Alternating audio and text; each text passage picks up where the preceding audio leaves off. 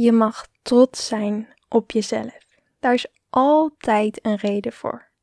En die redenen wil ik vandaag heel graag met je delen, zodat jij na deze aflevering je trots voelt op jezelf of dat in ieder geval de trots is gegroeid.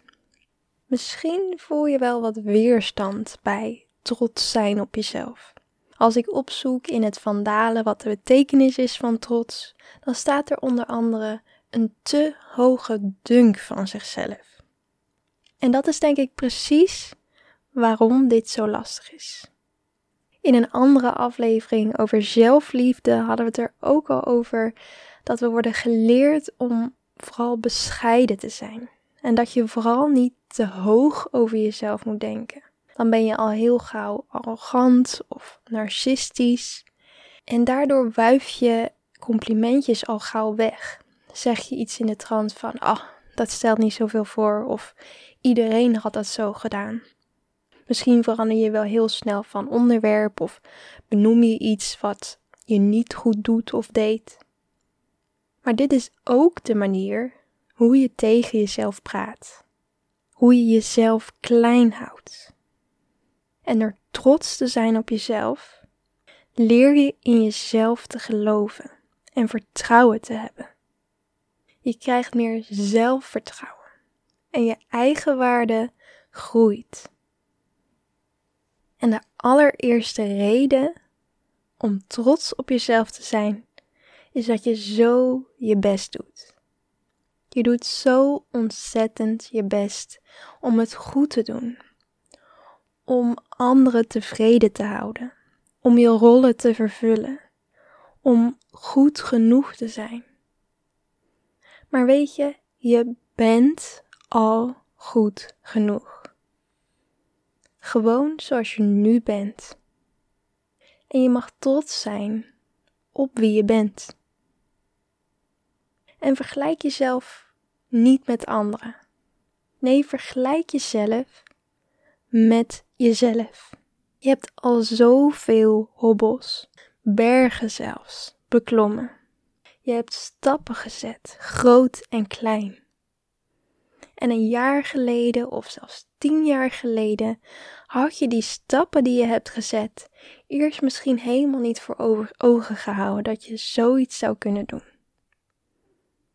En ik geloof dat ieder mens zijn eigen pad heeft te bewandelen, zijn eigen stappen heeft te zetten, zijn eigen moeilijkheden tegenkomt en zijn eigen groeien doormaakt. En wat voor de ene een hele grote stap is, is voor de ander een kleine stap en vice versa. Je mag trots zijn op al die stappen die je hebt gezet en die je aan het zetten bent.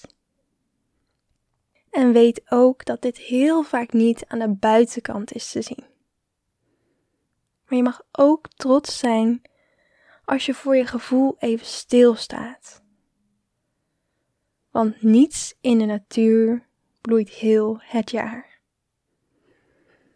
Maar wees ook trots op de dingen die je doet waar je zo tegenop zit, maar wel hebt gedaan. Een klein voorbeeldje is dat ik het super lastig vind om telefoontjes te plegen. Ik zit er altijd heel erg tegenop. Je kan ook trots zijn nadat je iets hebt opgeruimd, klusjes hebt gedaan, hebt schoongemaakt.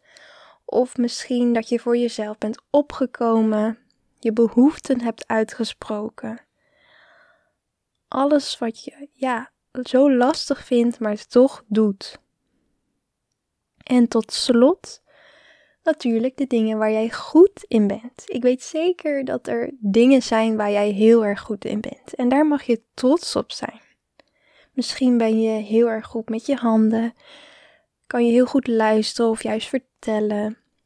Misschien kan je geruststellen of heb je een bepaalde sport of hobby waar je heel goed in bent. Koken of onthouden, iets ordenen, presenteren, oplossingen bedenken, schrijven of samenwerken. Jij weet vast wel iets te bedenken waar je heel erg goed in bent. En daar mag je best ja, voor uitkomen en trots op zijn. En nu ben ik natuurlijk heel erg benieuwd, waar voel jij je nou op dit moment trots over? En wel zo eerlijk dat ik natuurlijk zelf ook iets deel waar ik trots op ben. Nou, nu ik zo bezig ben met de podcast, ben ik eigenlijk wel trots dat ik dingen doe. Ondanks dat ik soms bang ben wat anderen van mij vinden. Dat ik mijn hart blijf volgen. En dat ik, ja, trots ben dat ik mezelf ben en steeds meer wat meer van mezelf laat zien. Wie ik ben online, maar ook in real life. Nou, en waar jij trots op bent, maak dit nou even echt. Spreek het uit of stuur mij een berichtje via Instagram. Je bent super welkom. Nou, heel erg bedankt weer voor het luisteren.